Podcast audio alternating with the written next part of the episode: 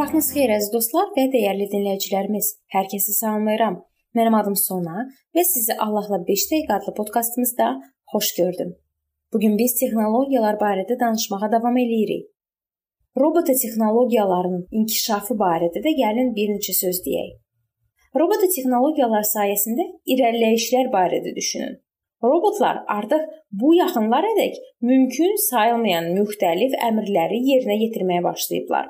Bununla belə robotlar heç vaxt özlərini təkrar istehsal etmir. İnsanlar kimi arta bilmirlər. Bu gün isə ixtiraçılardan ibarət bir neçə komanda müstəqil şəkildə təmir oluna bilən və özünü təkrar istehsal edə bilən robotlar üzərində çalışırlar. Bunun nə demək olduğunu dərk edirikmi?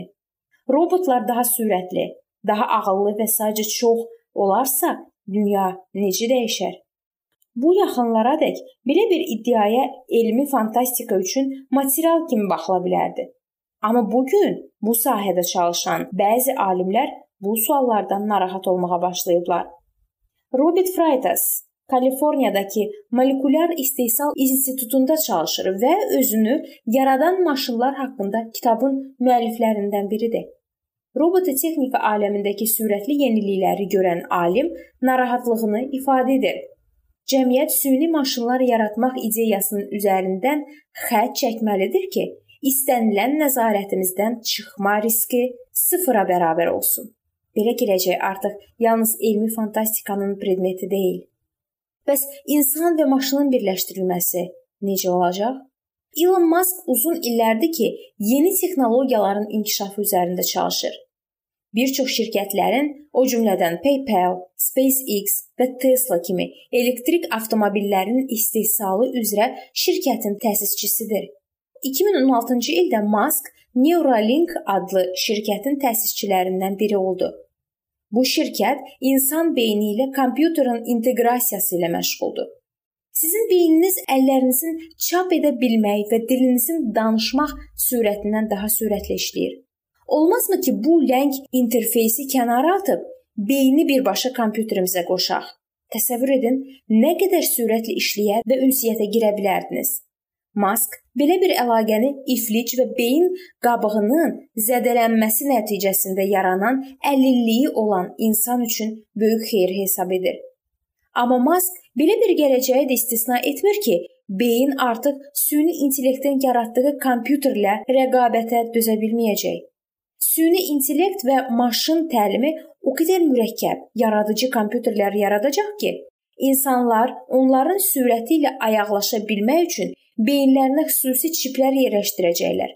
Mask təqdimatlarından birində belə bəyanatla çıxış edib. İnformasiyanın dəyəri nədir?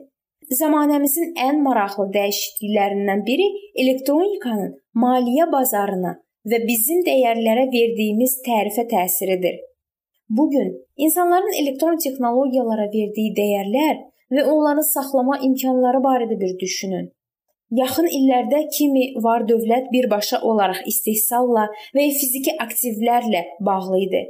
Varlı insanlar ya iri həcmdə təbii ehtiyatlara, ya da müəyyən məhsul istehsal edən fabriklərə sahib idilər.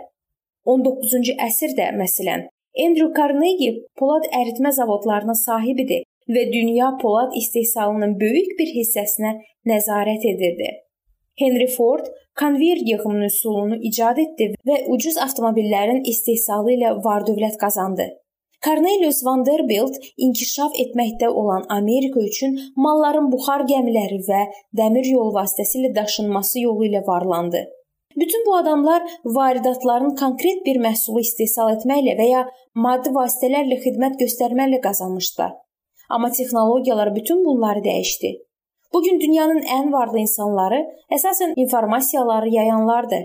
Onların bəzi şirkətlərinin iri həcmdə birja qiymətləri olsa da, maddi aktivləri azdır. 2015-ci ildə jurnalistlərdən biri qeyd etmişdi ki, texnologiyalar bütün iqtisadi prosesləri baş ayaq çevirir. Dünyanın ən iri taksi şirkəti olan Uber-in şəxsi avtomobilləri yoxdur. Ən populyar sosial şəbəkə olan Facebook-un özü mətn yaratmır. Dünyada ən böyük dövriyyəsi olan onlayn ticarət şəbəkəsi Alibaba özü heç bir məhsula sahib deyil.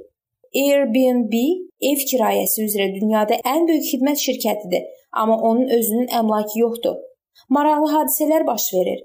Həqiqətən də maraqlıdır. Bu gün dünyanı informasiya idarə edir. Ona nəzarət edənlər isə böyük maliyyə resurslarına malikdirlər. Bu elektron texnologiyaların dünyanı dəyişdiyi daha bir sahədir.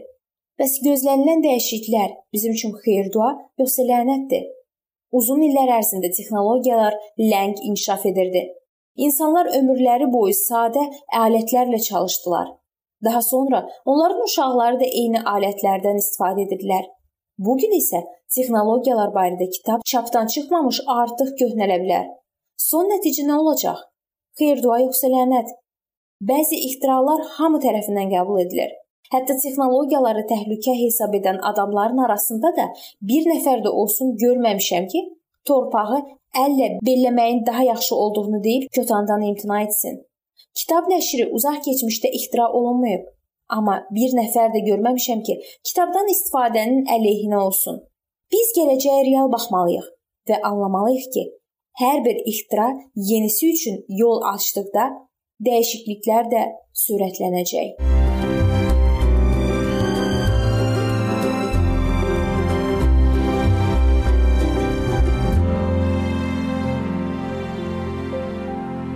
Beləliklə əziz dostlar, bu yerdə bu mövzu sona çatdı.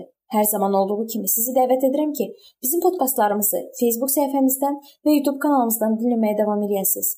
İndi isə mən sizinlə sağollaşıram və növbəti görüşlərdə görməyə ümid ilə. Sağ olun, salamat qalın.